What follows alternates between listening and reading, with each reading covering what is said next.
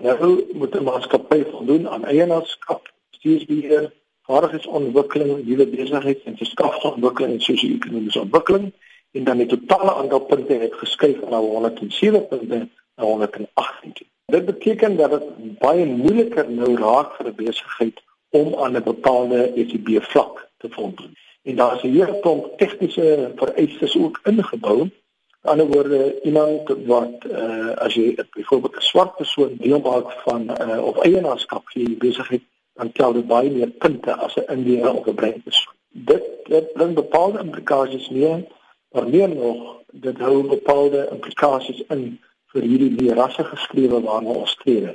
Beteken ons begin weer die nuwe Suid-Afrika bou op ras in plaas van die nie rasse ideaal waarna ons streef. Is hierdie kodes realisties en prakties uitvoerbaar? Rondom eienaarskap en bestuur is daar baie baie eh, groot uh, probleme vir al uh, van die besighede. Besigheid wat al vir 'n hele paar jaar bestaan, 'n paar dekades bestaan, gaan baie moeilik vir al van die besigheid gaan baie moeilik eienaarskap doornet oorgee en ook bestuursbeheer.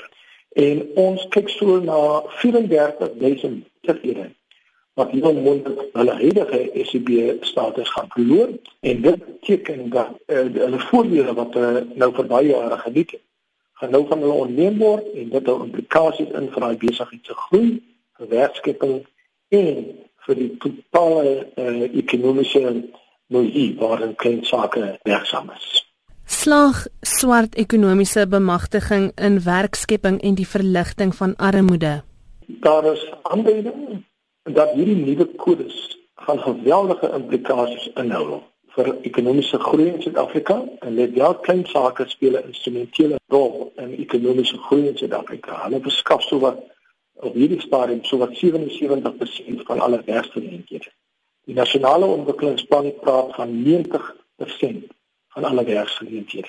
Dit hou ook implikasies in vir buitelandse investering, want net wel buitelandse maatskappye jy weet wat personeel van buite af aanstel en waarvan die eienaarskap goedlik gesetel is in die tekla vir wie kan voldoen aan die nuwe ECB voorskrifte nie. Wat sou die ideale oplossing wees vir swart ekonomiese bemagtiging om suksesvol te wees? Na ons mening is swart ekonomiese bemagtiging 'n belangrike belangrike onderneming in Suid-Afrika. Ons moet die gaping tussen uh, swart besighede en wit besighede moet ons vernou ons moet 'n omgewing skep waar meer besighede geskep word. Ons kry van bestaande besighede verwag om net eienaarskap bloot oor te dra.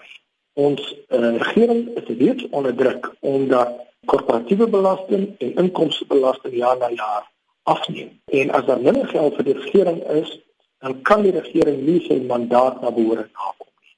So waar lê die oplossing? Ons moet omgewings skep waar baie meer besighede geskep word, baie meer investering na Suid-Afrika toe kom en veral oorseese maatskappye nuwe besighede hier kom skep.